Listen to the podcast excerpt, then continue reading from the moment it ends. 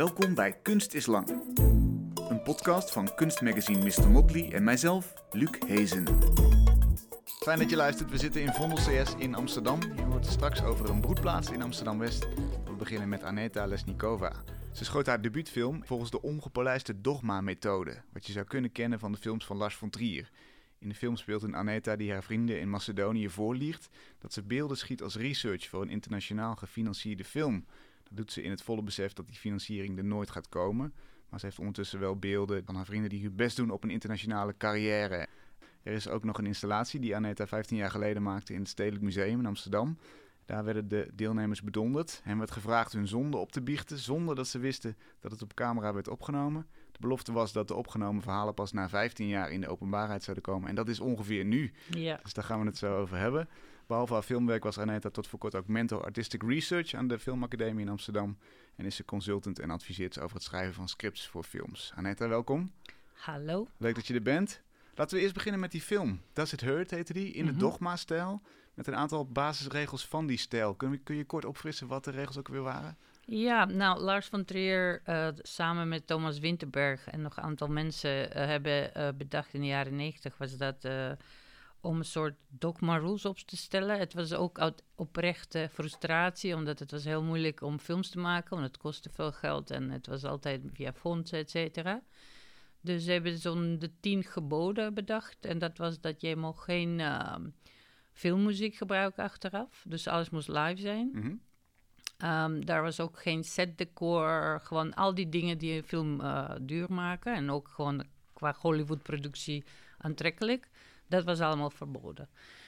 En ehm, ja, het, het, het, het was een stijl die, die mij aansprak. En het was ook eigenlijk uit behoefte, omdat ik kom uit Macedonië en ik heb in Nederland gestudeerd. En toen ik ehm, afstudeerde op de Rietveld Academie, kwam ik eh, in het professionele circuit. En toen besefte ik dat ik echt niet bewapend was om eh, alles te doen wat nodig was om, om ook geld voor elkaar te krijgen. Namelijk, wat waren de barrières? Nou, jij moest altijd een filmproducent hebben. Hm. En dat is nog steeds zo. Dus, en, en dan de producenten hebben natuurlijk eh, meerdere projecten die lopen. En dan moest ook eh, de producent geïnteresseerd worden. En als het zo was, dan moest ook de fondsen geld geven. En als de fondsen geen geld gaven, dan kon je de film niet maken. Omdat de producenten steken niet hun eigen geld in het film. In Europa eh, niet, denk ik. In Amerika nog steeds wel, denk ik. En ja, dus dat was de situatie. En eh, ik, ik maakte audiovisuele installaties vooral, maar ik had wel een paar verhaaltjes die ik wilde vertellen. En dat was de na- narrative, eh, lineair, gewoon narrative, en dat is film. Mhm. En toen eh, heb ik dus met een aantal vrienden zat ik in de Bali. Omdat vroeger werkte ik daar als programmamaker. En In Amsterdam inderdaad, in het Amsterdam. debatcentrum. Ja, ja, dat, Mhm. is, dat is nog steeds een coole plek voor alles. ja. En ehm, goed, dus we zaten daar te drinken. Eh, het was vrij laat. En ehm, ja, met die paar vrienden die ook filmmakers waren enzovoort. En ja, iedereen was bezig met hun eigen frustratie uiten. En toen dacht ik, weet je wat, ik ga niet meer zeiken, ik ga gewoon wat doen. Hm. En zo begon het. En toen ging ik eh ticket kopen naar Denemarken. Met het beetje geld wat ik had. En ik ging rechtstreeks naar Zentropa toe. En eh, ze hebben daar zo'n hele grote filmloft. eh, dat zijn allemaal hangaren. Mhm. Dan ga je zo'n golfkarretje rondrijden. En ehm, het was heel grappig, omdat eigenlijk dat was een soort eh, echte Hollywood-eske sfeertje. Ja. En zij waren met Dogma begonnen, maar daarna zijn troop is heel groot geworden. Dus en, ik heb... en, en omschrijf het eens, wat is het voor plek voor mensen die de naam nou ja, je komt... ik kwam met de bus en eh, de- straat is Film Boyen genoemd. Dat is zo'n filmstraat. Ja. Dus omdat Zentropa zo mm, invloedrijk is geworden. Dus, en in de filmstraat is, eh, zijn de Zentropa-kwartiers. En daar heb je hekken. En dan als je binnenkomt, eh, daar zijn zo'n karretjes die mensen gebruiken om van A naar B te gaan. Dus een vrij grote plek. En daar zitten hun studio's. En daar zit een eh, speelfilmafdeling. Dan heb je ook een documentaire afdeling. Je hebt een ontwikkelingafdeling. En later hadden ze ook nog een soft porn afdeling. Ah, ehm, die vrouwvriendelijk was. Maar Ja. dat is volgens mij een aantal jaar geleden gestopt. En dit was allemaal eh, 2005, 2006. hm? En nou ja, Dogma bestond al toen 10 of 12 jaar. Ja. Ik denk tien jaar, omdat ik heb het voor dat tienjarige bestaan gemaakt, de film. Dus het was tien jaar, ja. Dus ik kwam daar binnen en Caroline Let uh, was die vrouw die me ontving en zij was het hoofd documentaire. Ze werkt daar nu weer, uh, omdat daar, zij was een tijdje weg, maar nu is ze weer daar. En Caroline Let, voor de luisteraars die niet weten wie ze is, dat is een vrouw die heel veel films produceert, vooral in de documentaire circuit. En zij is de dochter van Jurgen Let. En Jurgen Leth is de man die heeft The Five Obstacles gemaakt, de film met Lars von Trier. Mhm.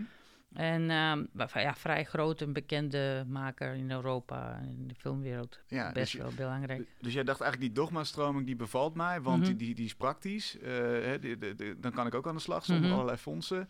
En ik ga naar Denemarken om als Ja. het ware op, op audiëntie te gaan bij de Ja. dogma-figuren. Maar het was ook niet alleen omdat, eh, eh, eh, eh, omdat het praktisch was. Het is, het is ook een statement die me aansprak, omdat het Mm. was een soort David Goliath verhaal. Dus wat als je niet behoort bij de twaalf apostoli, eh, die altijd eh, subsidie aanvragen en geld krijgen, dan als buitenstaander moet je iets zelf doen. Ja. En ik vind dat, dat nog steeds jonge makers, en als ik zeg jonge makers, bedoel ik niet iemand die twintig is, maar meer makers die beginnen, ongeacht hoe oud ze zijn, dat die eh, moeten de, de, de middelen gebruiken die ze hebben, zodat zij niet wachten totdat iemand hun ontdekt. En eh, gelukkig, eh, heel veel mensen beseffen dat, dus daar zijn heel mooie projecten die gebeuren. Dus dat was mijn besef toen. Dus het is aan mij om iets te doen. Het is niet altijd dat iemand moet mij helpen om iets te doen. Ja.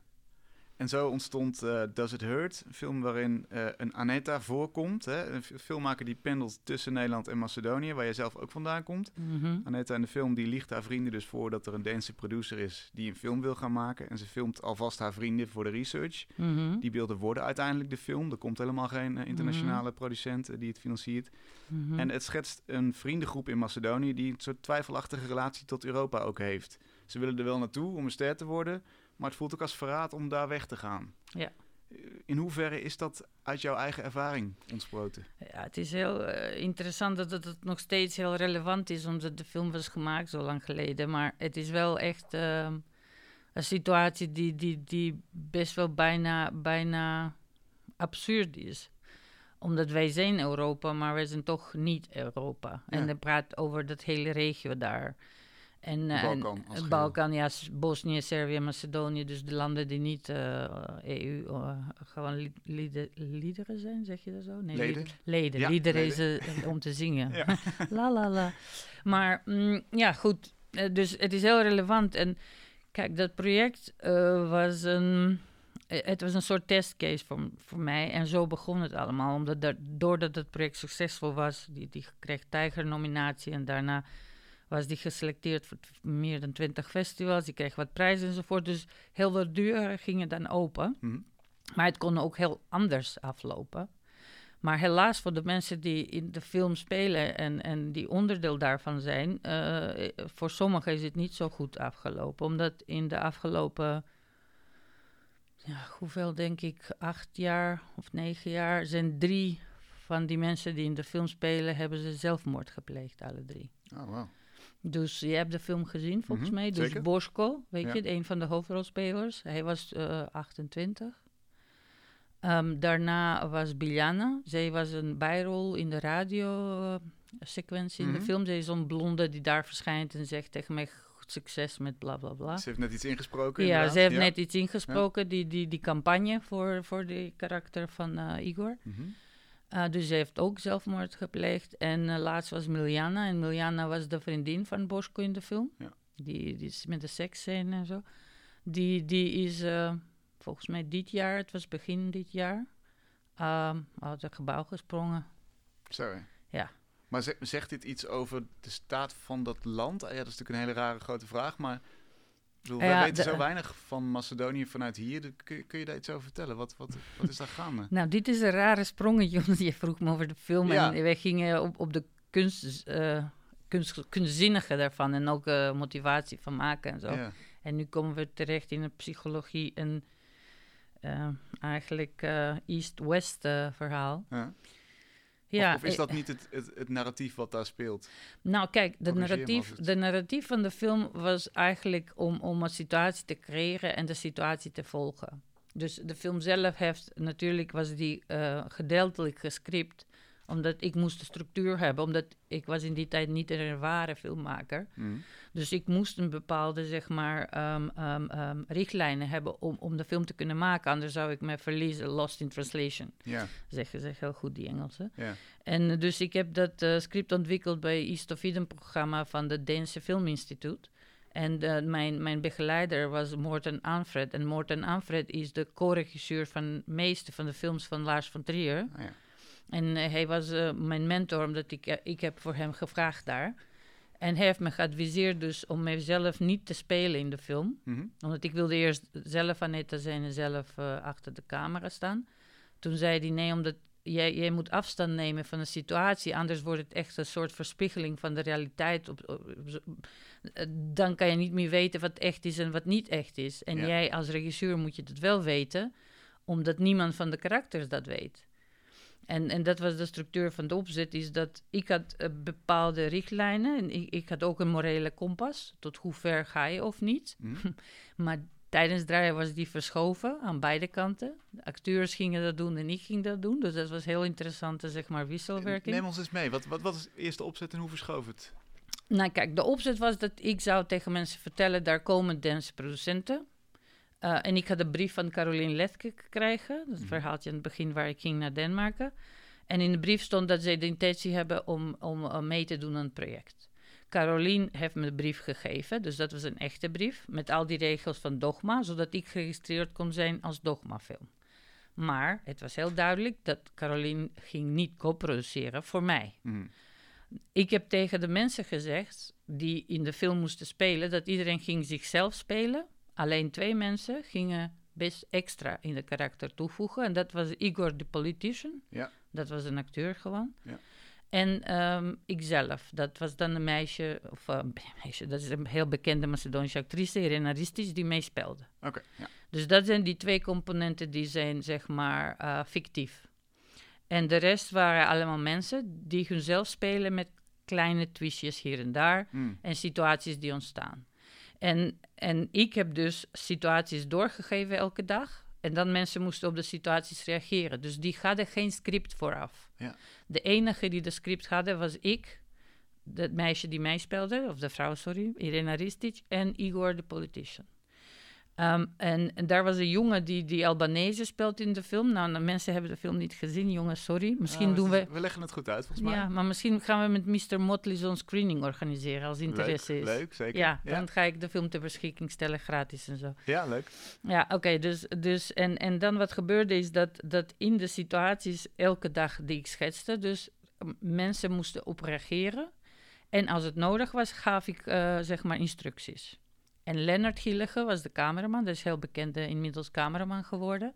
En Lennart speelde ook zichzelf in de film en die kwam ook voorschijn af en toe voor de camera. Mhm. Met heel veel moeite, dat was heel erg een bevalling, omdat hij wou het niet. Mhm. En, en, en Lennart wist ook alles. En Lennart heeft me enorm, geho- enorm geholpen, omdat wij moesten op een gegeven moment met post-it kijken wat allemaal gebeurd is. Ja, En wat moesten we verder doen. ja. Omdat, eh, ja, het was echt, eh, wij moesten alles in 18 dagen draaien, omdat er was geen geld. En ik heb alles zelf bekostigd, enzovoort, enzovoort.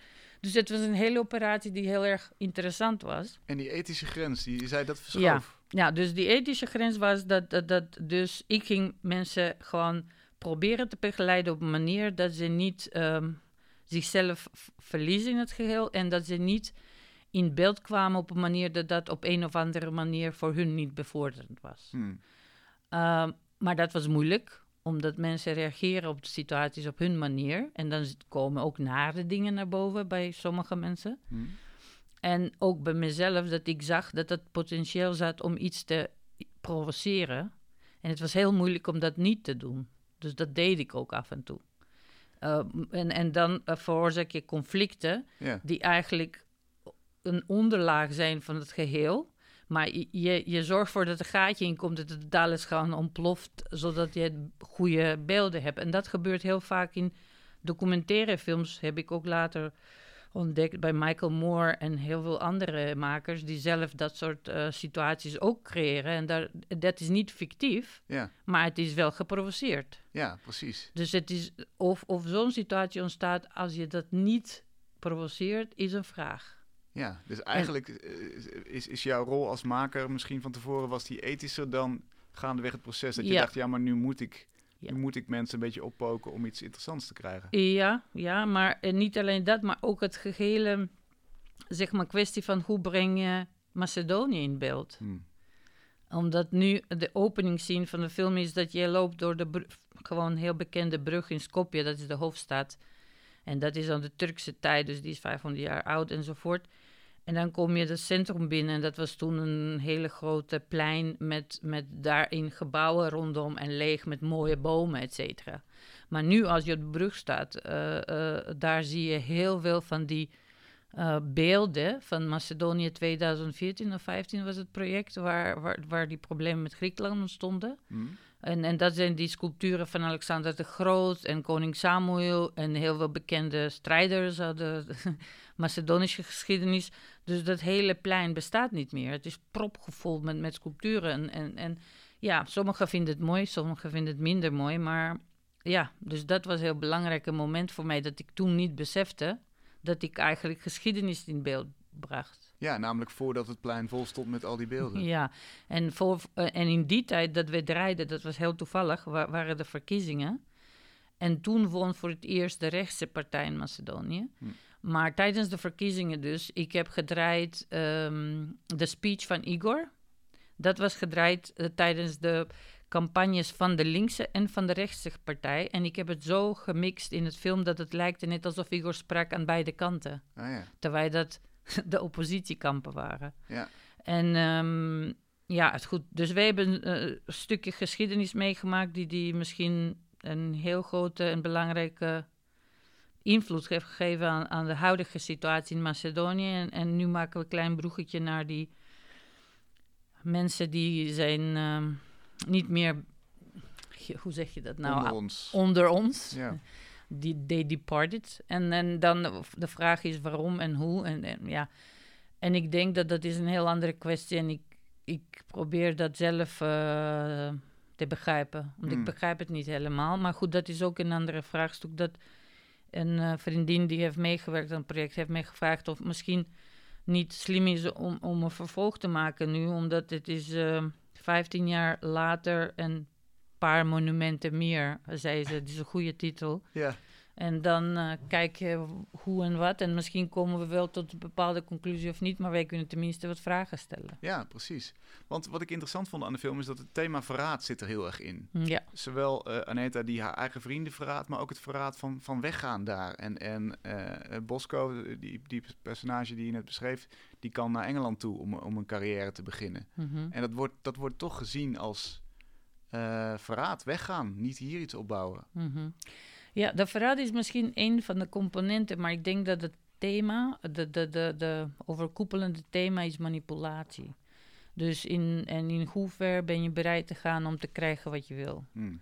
En ik denk dat ik, um, uh, tenminste, ik, ik, ik, persoonlijk, hè, niet, niet als maker alleen, maar ook als persoon, ik vind dat manipulatie niet altijd negatieve connotatie heeft het is ook uh, soms uh, bevorderend omdat niet alleen dat je krijgt wat je wil qua carrière ofzovoort, maar het, het, is soms ook um, um, belangrijk dat je uh, actie onderneemt en dat je iets beïnvloedt zodat iets tot stand komt. Hmm.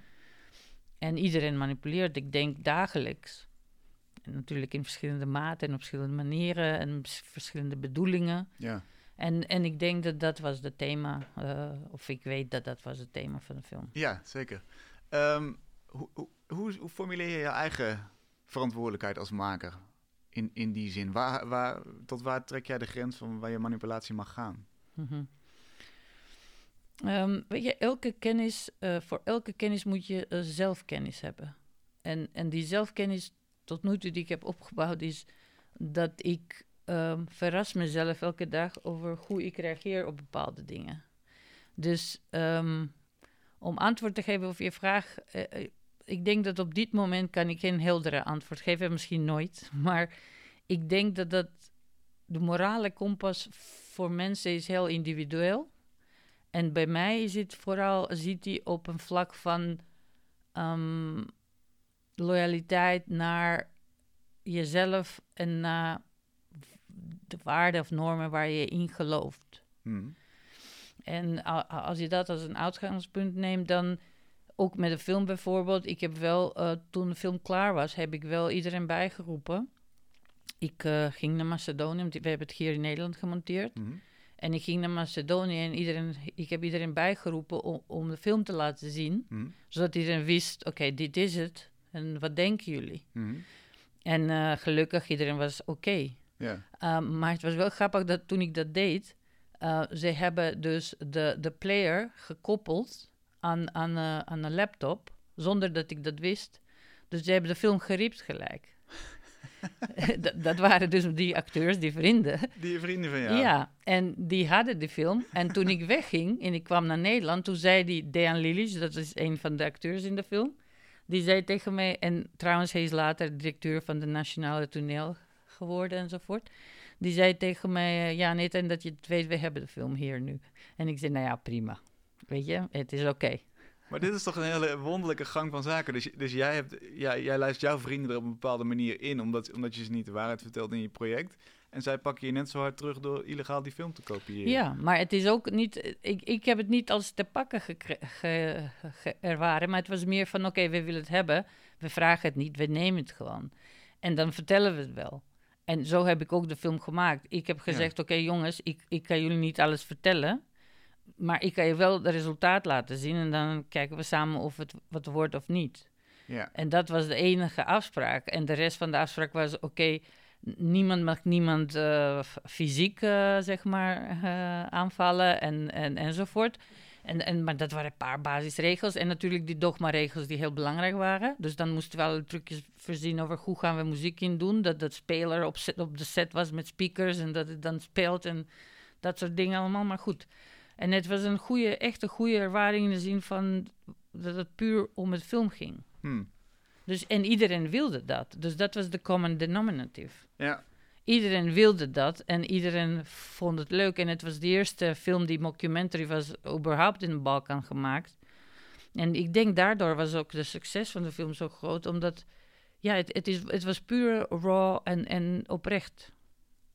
Ja. Met al die manipulatie daarin. Precies, oprecht is dan tussen aanhalingstekens Ja. natuurlijk. Maar, maar ja, want, want dat eh, suggereert de stijl natuurlijk wel. Een soort, soort eh, echtheid, eh, rauwheid. Ja.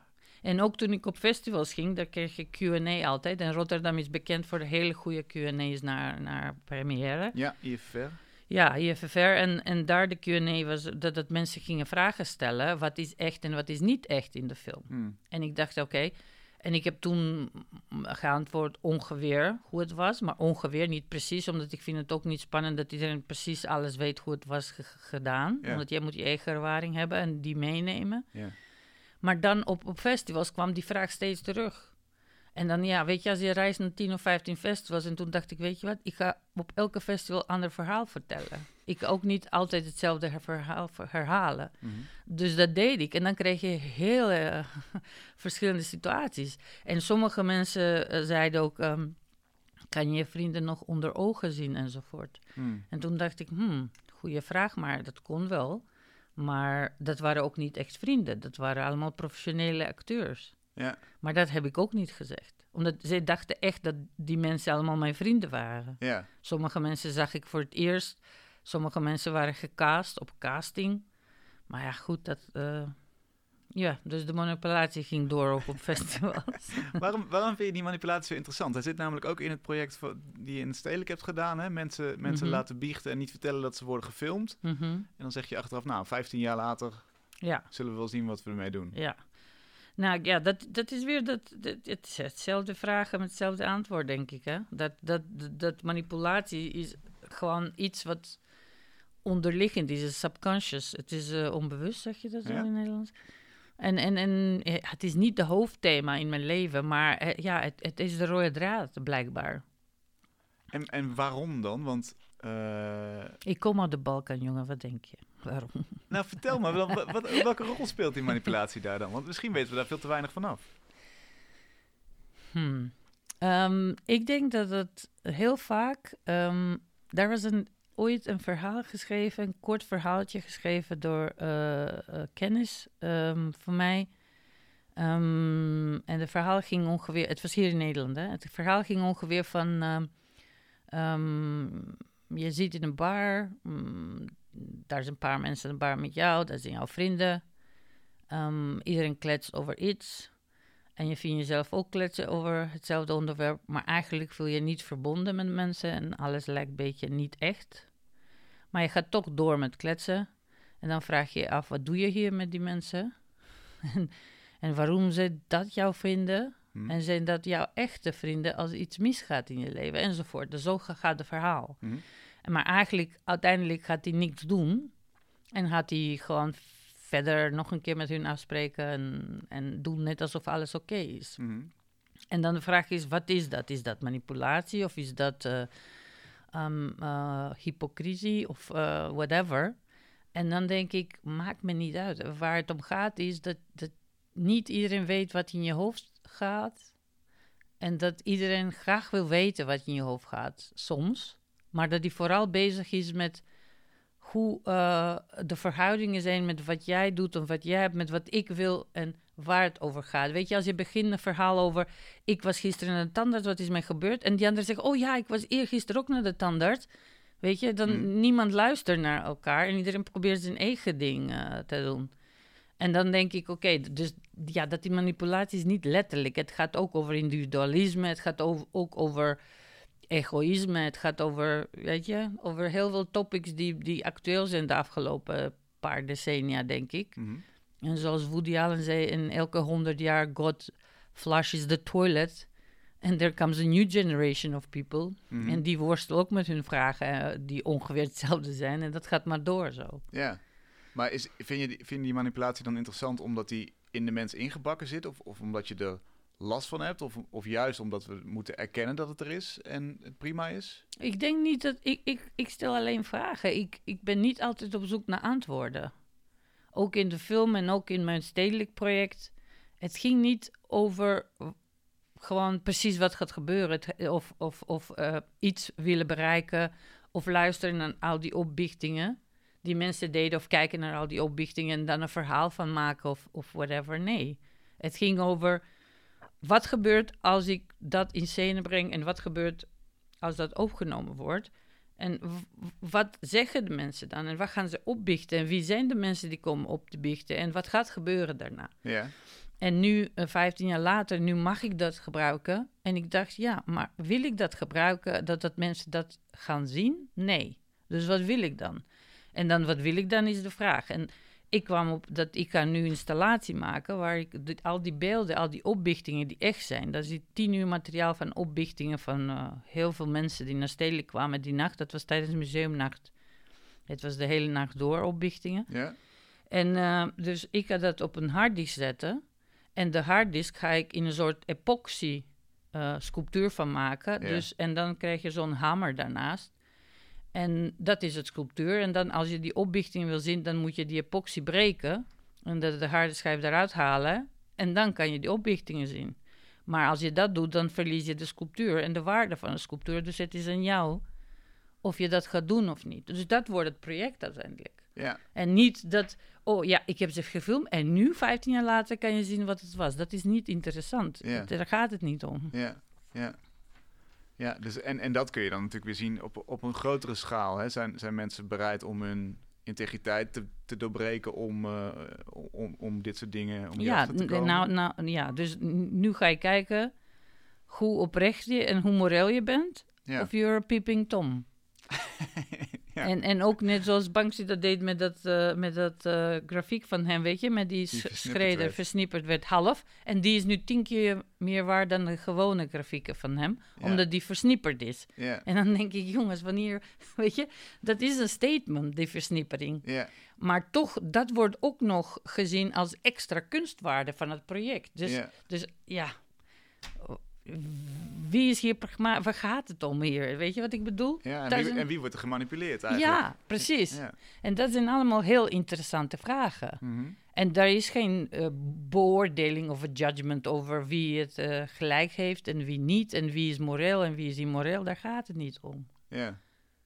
En, en dit gebeurt natuurlijk op, op alle vlakken, in alle landen, op, op alle mogelijke manieren. Ja, en in alle vlakken van het leven. In politiek, in de sociale sector, Ja. cultuur, kunst zeker, overal. Maar hoe ga je er dan zelf mee om? Zeg maar even, even terug weer naar jouzelf als persoon, los van de, van de kunst. Want eh, dat, dat bespreken we ook altijd in dit programma een beetje. Wat, wat, ja, hoe, hoe ga je om met manipulatie? Wil je weten of je gemanipuleerd wordt? Wat zijn je strategieën ertegen? Weet je wat het is? Ik denk dat het. eh, het, eh, ja, ik ben altijd nieuwsgierig. Ik ben vrij ehm, open. Alleen ik merk wel dat ik heb een bepaalde houding waar ik niet echt wil dat mijn naaste ehm, eh, manipuleren op een manier dat het ehm, schadelijk is voor onze relatie, zeg maar. Hm. Of dat vrienden zijn, of mijn partner, of familieleden. Kijk, op het moment dat je iets doet dat, dat ehm, ehm, iets bereikt, maar niemand, daar is geen collateral damage, dan is het oké. Hm. Maar wie ben ik om te zeggen wat collateral damage is en wat is oké? Dat is een andere vraag weer. Maar voor mezelf persoonlijk, ik denk dat dat, dat houdt mij sane. Dat houdt mij ook een beetje gezond. Dat, dat je niet doordraait de hele tijd en dat het alles mag en dat je ineens Machiavelli wordt of zo. Maar ehm, ik, ik, ja, nieuwsgierigheid is een, eh, een goede houding, denk ik. En humor. Hm. Humor is heel belangrijk. Ik denk in, in mijn, al mijn projecten heb ik een dosis van een beetje kniepoogje. ja, zeker. Dat, dat ik mezelf en ook kunst en ook die anderen niet te serieus neem. Maar die knipoog kan de manipulatie ook verdoezelen. Of, of eh, hè, je, je kunt de grootste schurk zijn, maar als je, als je charmant bent, kom je met heel veel weg. Tuurlijk, maar ja. En? En dat, dus, dus dat heb je nodig eigenlijk misschien wel in het leven erbij. Wat, wat zijn de adviezen die je aan je studenten hebt gegeven als het, als het om dit gaat? Om, om hoeveel mag je manipuleren als maker zijnde? Nou ja, ik, ik, heb, ik moet zeggen, ik, ik, ik heb gewerkt de afgelopen zeven jaar tot maart. Eigenlijk was mijn contract klaar, maar goed, de afgelopen zeven jaar ga Mhm. ik zeggen. Heb ik gewerkt met, met eh, volwassen mensen, omdat die waren allemaal masterstudenten. Nou ja. Dus dat zijn mensen die afgestudeerd zijn, bachelor. En heel vaak ook een aantal jaar hebben gewerkt in de professionele sector. En dan doen ze een master en artistic research in en through film. Dus eigenlijk, eh, artistic research is altijd, je komt met de vraag artistic research doen. En het is in en through film, dus de vraag mag van alles en nog wat zijn. En heel vaak de thema's waren eh, tijd, eh, memory, eh, geheugen, sorry. tijd, Mhm. geheugen. Ehm, daar was over uncanny, et et cetera, et cetera. Maar, en, en wat ik zeg, of wat ik heb altijd gezegd, is dat jij moet dicht bij jezelf zijn en kijken niet naar what you want, but what you need. Dus niet naar wat je wil, Mhm. maar wat je nodig hebt. Dus Mhm. waar ligt de urgentie in wat je aan het doen bent en waarom doe je dat? En, ah, en, en dus dat is dat zelfkennis. Heb je daar een voorbeeld van? Kun je, kunt je aan de hand van een project misschien bespreken? Ehm, Praat wel makkelijker. nou ja, eh, kijk, het, zelfkennis, dat is subjectivity. Dat is dus, kijk, op het moment dat je studenten hebt, wat wij hadden daar, eh, eh, die uit landen komen zoals Zuid-Afrika of uit Iran of Libië of China. mm, dus iedereen heeft een andere achtergrond, heeft een andere soort bagage mee. Daar was een vrouw uit Zuid-Amerika, die, die, die, die was vluchteling, maar die was, eh, eh, ze- zeg maar, eh volontaire vluchteling. Dus die ging zelf weg. Mhm. Er was geen oorlog daar, maar het was heel onveilig waar ze vandaan kwam. En dan ging ze gewoon naar Nieuw-Zeeland en dan ging ze naar weet ik veel waar enzovoort. En toen kwam ze hier terecht in Nederland. En de vraag was, was ze op zoek naar iets? Was ze aan het vluchten? Of was ze gewoon aan zichzelf te ontdekken?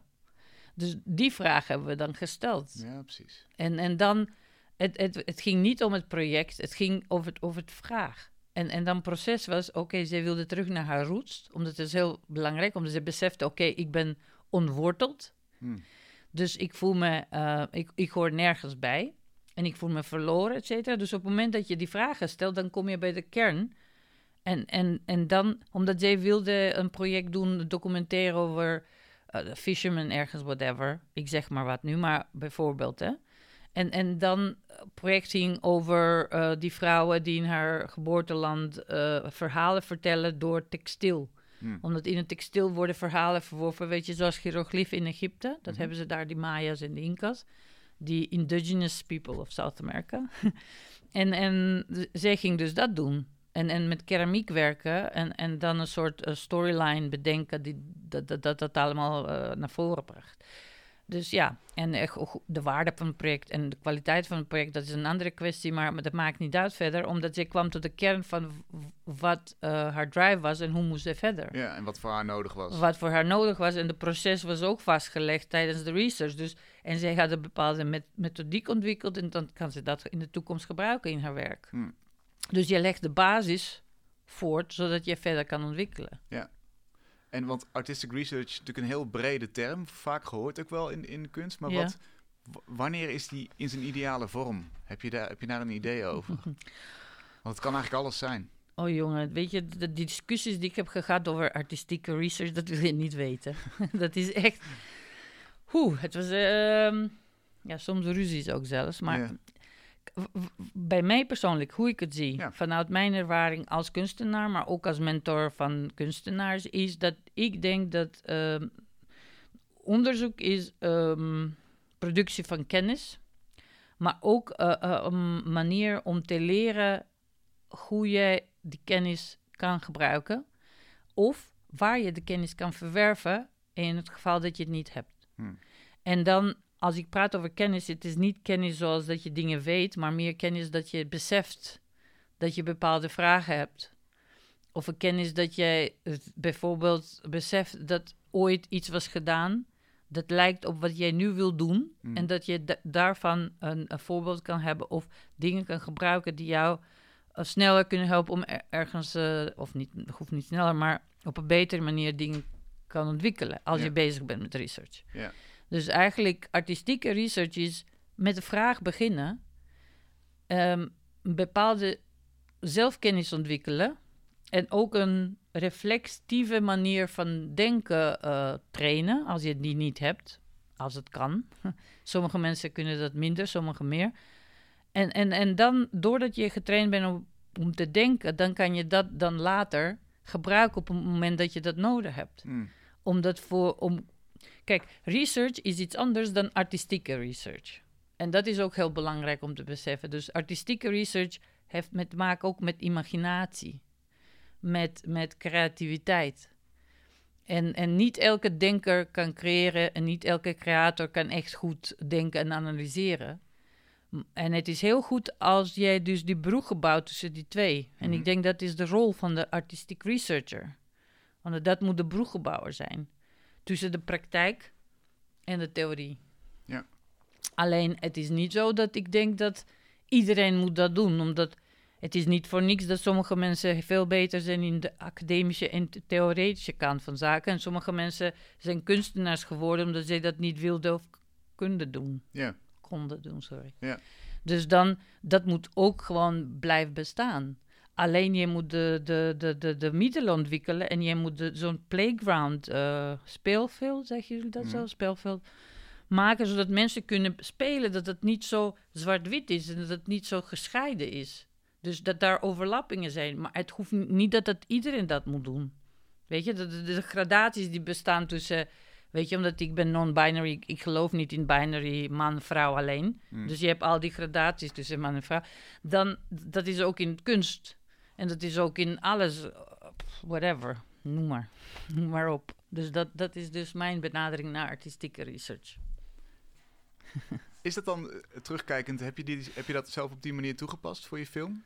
Zou je dat artistic research noemen? Achteraf gezien wel. Omdat op dat moment was ik niet bezig daarmee. Ehm, maar eh, kijk, op het moment dat ik mentor was, moest ik mezelf presenteren aan de studenten Mhm. elke jaar. En ehm, ja, elke jaar probeer je iets anders te doen of een beetje de, de presentatie te veranderen. Dan wordt het zo saai voor jezelf en voor die anderen ook. Hmm. En dan, ehm, dus ik besefte toen dat al mijn projecten beginnen met de vraag: ehm, How far would you go for art? Um, what do you do when the world gets too loud?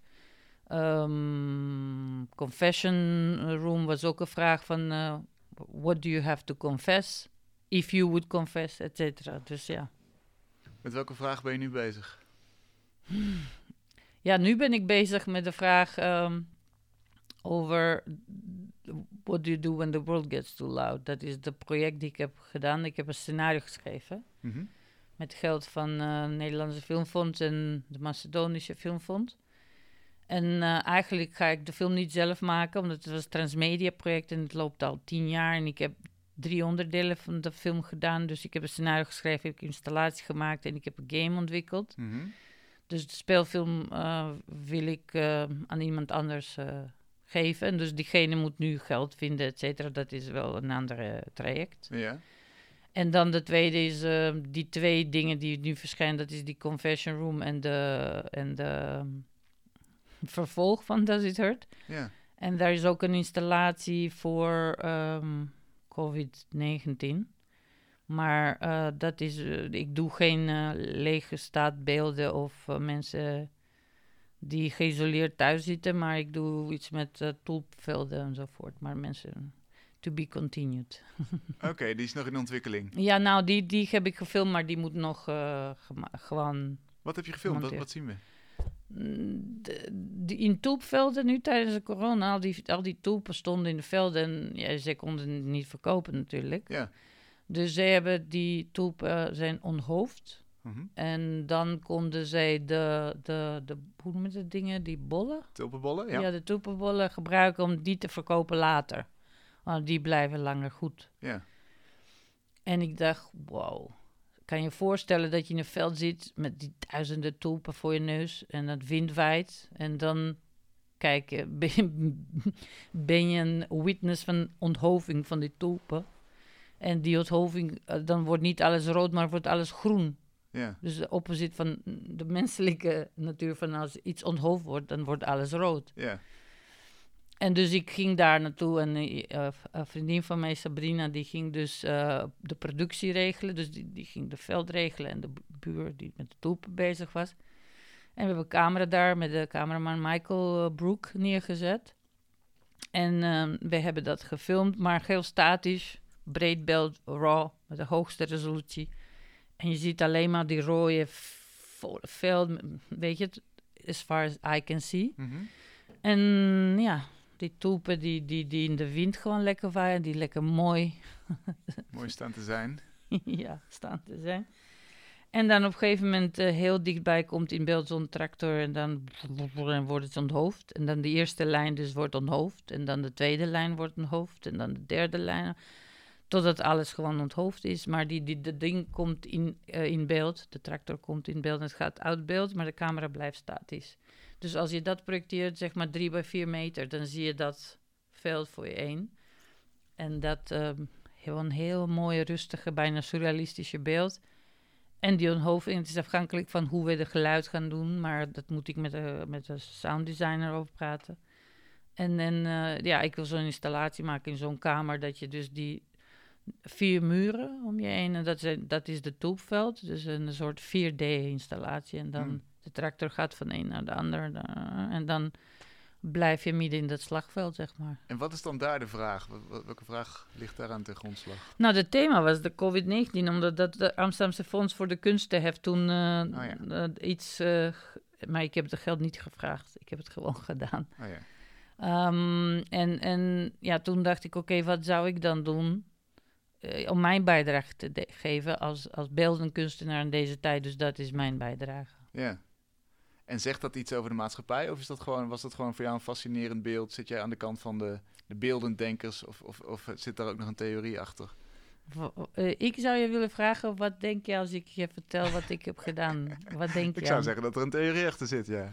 En ja, wat, is, wat zou jouw theorie zijn? Eh, daar heb ik een andere mening over. Ik heb, ik, ik, dat, dat zijn mijn ideeën. Maar, ja, maar eh, vertel, vertel. ja, Ja, maar jij bent de gast. maar maakt niet uit, omdat jij bent de, de consumer, jij bent de kijker. Ja. Jij bent belangrijker dan ik.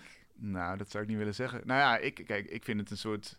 eh, het, het geeft aan in wat voor, wat voor bizarre, vernietigende tijd je zit. En, en wat. eh, ik zou zelfs verder willen gaan naar de oorsprong van die hele ziekte, hoe je met de natuur omgaat. Ja, daar zie je nu rechtstreeks het gevolg van. Dus eh, aan jouw knikkende hoofd zie ik dat je het ermee eens bent. Heel mooie verwoording, ik zou het zelf niet zo kunnen zeggen. Kijk. Maar ja, dank je. En even nog terug naar het, naar het vervolg op de film. Wat, wat zou de, de, de vraag zijn die daar dan aan ten grondslag ligt?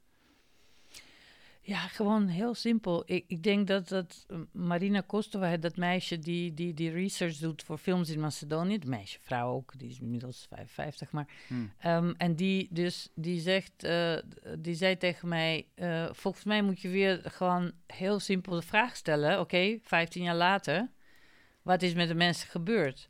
En meestal heb je dat in documentaires, weet je. Dat, je hebt van die documentaires van John Apple, maar ook heel veel andere mensen, waar ze dan gaan terug naar de mensen die ze hebben gefilmd en iets doen daarmee. Of ze volgen mensen elke tien jaar. Ja. Ik weet niet wie heeft die documentaire gemaakt. Dat was die Engelse... ja, ik weet ook niet meer hoe dit heet. Maar dat, leven lang worden eigenlijk mensen gevolgd. die Ja, precies. steeds. En dan Ja. de kinderen dat, en dan later als volwassenen. En wat is daarmee gebeurd en zo.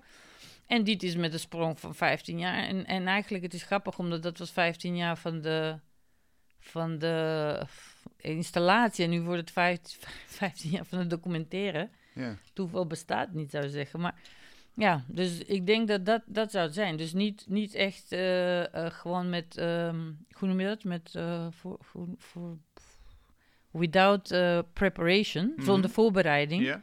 Maar gewoon uit het feit van, oké, ehm, ehm, het is 15 jaar later. Mhm. De hele stad is naar de kloten gegaan, architectonisch gezien. Ja. Ehm, en wat is gebeurd met die mensen? Ja. En dan laat je eerst de stad zien, misschien, ik weet het niet. Ja? En de mensen, of, of laat je weer door de mensen de stad zien, of je gaat gewoon beginnen bij het begin zoals het was toen. Maar ik ga niet weer een documentary maken en weer hetzelfde traject aangaan. Nee. dit wordt heel simpel. Echt documenteren, gewoon van ehm, interactive documentary, kan je het zeggen. Dat dat misschien online ook mensen dingen kunnen posten als ze dat willen enzovoort. Maar we zien het wel, misschien niet. Ja. Maar, dat- maar de, de drama die je toen in de fictie moest zoeken, het, Ja. het opstoken van, van Situaties, scènetjes, ja. dat heb je nu niet meer nodig. Want die- die drama die heeft zich voltrokken. Ja, en dat is dus ook, eh, ik, ik denk ook iets wat dat heel interessant is aan het project. Omdat dan in het begin moest je dingen provoceren om, om, om, om eh, een drama te initiëren. Ja. En nu drama's hebben zich voorgedaan en dan ga je even kijken hoe, wa- wat er what the fuck happened. ja. Ja, Maar het is een heel andere rol voor jou als maker, denk Ja. ik. Ja. Welke heb je liever? Welke twee van de situaties? you know, it's like Sophia's choice. Ja. Welke kind, ja, weet ik niet.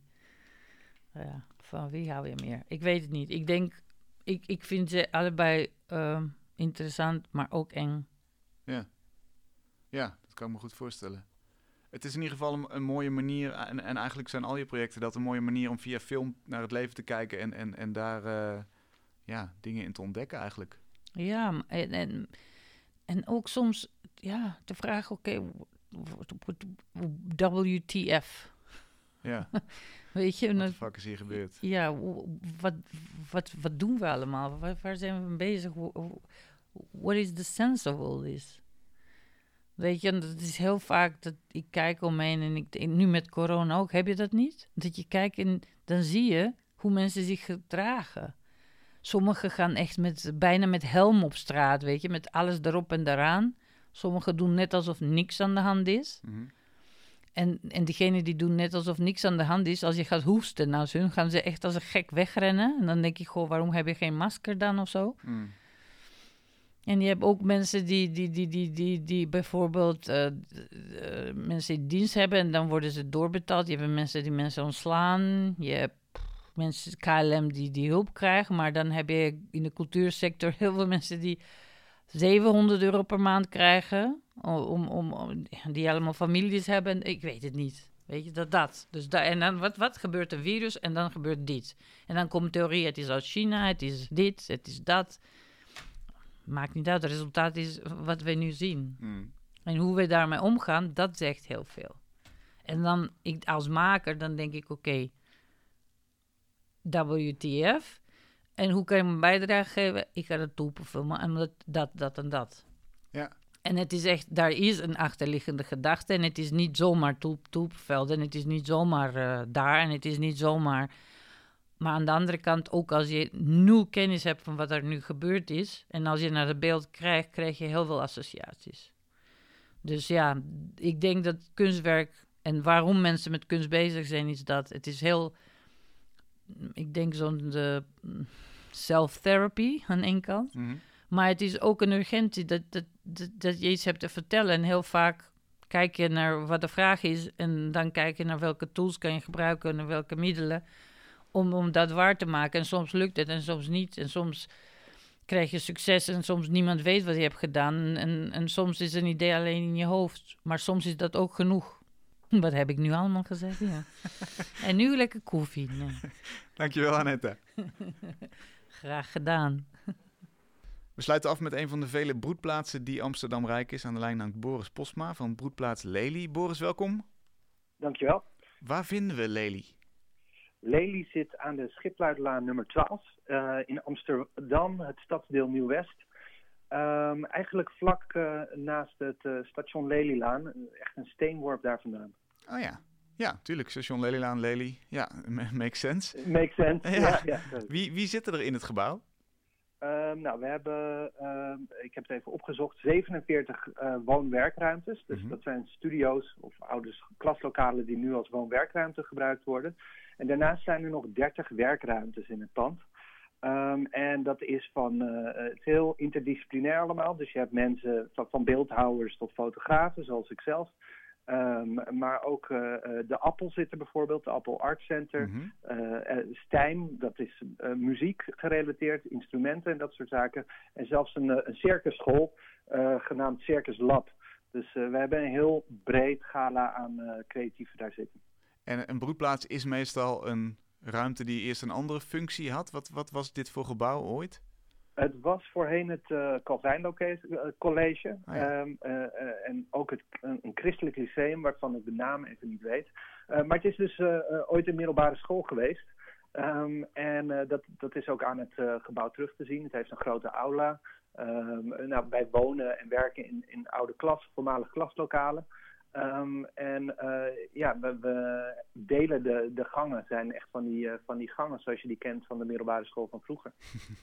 Super, en je zei zelf, ik ben fotograaf. Uh, ja. Heb jij een opnamestudio daar of heb je alleen een kantoor? Hoe, hoe zit dat?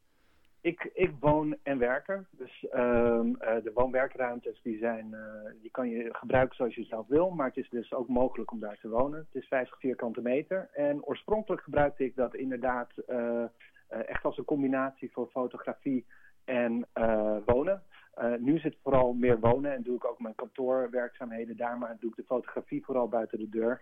maar je hebt ook mensen die het echt helemaal op hun expertise hebben aangepast. met, met afzuigkappen erin gebouwd zelfs en dat soort dingen. in verband met verf of, of, of, dampen van, van werk dat gemaakt moet worden. Ja. dus het verschilt helemaal per persoon hoe die kamer gebruikt wordt. Ja, en nou hebben jullie natuurlijk ook die coronaperiode meegemaakt. Hoe is toen de toegankelijkheid geweest in de Lely? Nou, wat je ziet inderdaad is dat alle de mensen die daar kantoor hielden, uh, zoals de Appel um, en uh, Stijn, dat dat allemaal even gesloten was. Um, uh, en voor de mensen die daar wonen was het natuurlijk ook een hele interessante periode. Want, nou ja, goed, we hebben wat woonruimte, maar we delen faciliteiten zoals een keuken en een badkamer. Um, en dat was best even wennen, want je deelt een vleugel um, deel je met uh, nou, tien kamers ongeveer. Hmm. En sommige die worden bewoond door stelletjes en andere weer door mensen alleen. Maar je zit toch met veel mensen op een klein stukje uh, grond. En uh, nou, dat, dat, was best wennen af en toe. We hebben zelf bij mij op de verdieping heel veel overleg gehad. Dus hoe gaan we hiermee om? wie laten we toe, wie niet? En we hebben er bijvoorbeeld voor gekozen om als groep, als vleugel in quarantaine te gaan met elkaar, zodat we wel sociale interactie met elkaar konden hebben uh, en dat we toch veilig uh, zijn met elkaar. En dat doen we eigenlijk nu nog steeds. Dus er vindt regelmatig uh, overleg plaats naarmate de, ja, de, de dingen in de wereld veranderen.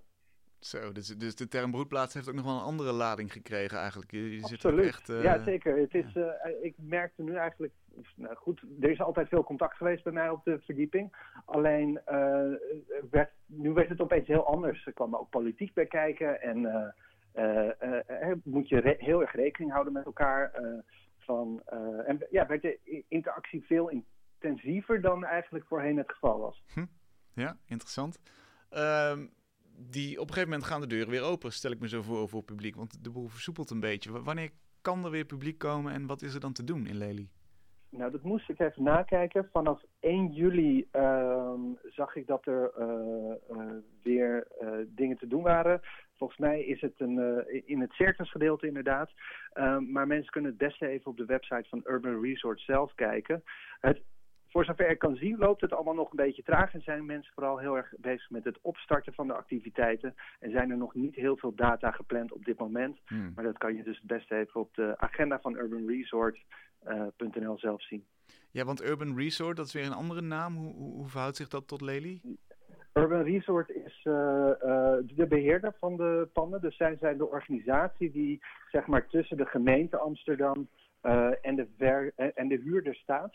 Ehm, dus je kan het uh, zien als degene die uh, de bemiddelaar van het pand, zeg maar, die het verhuurt.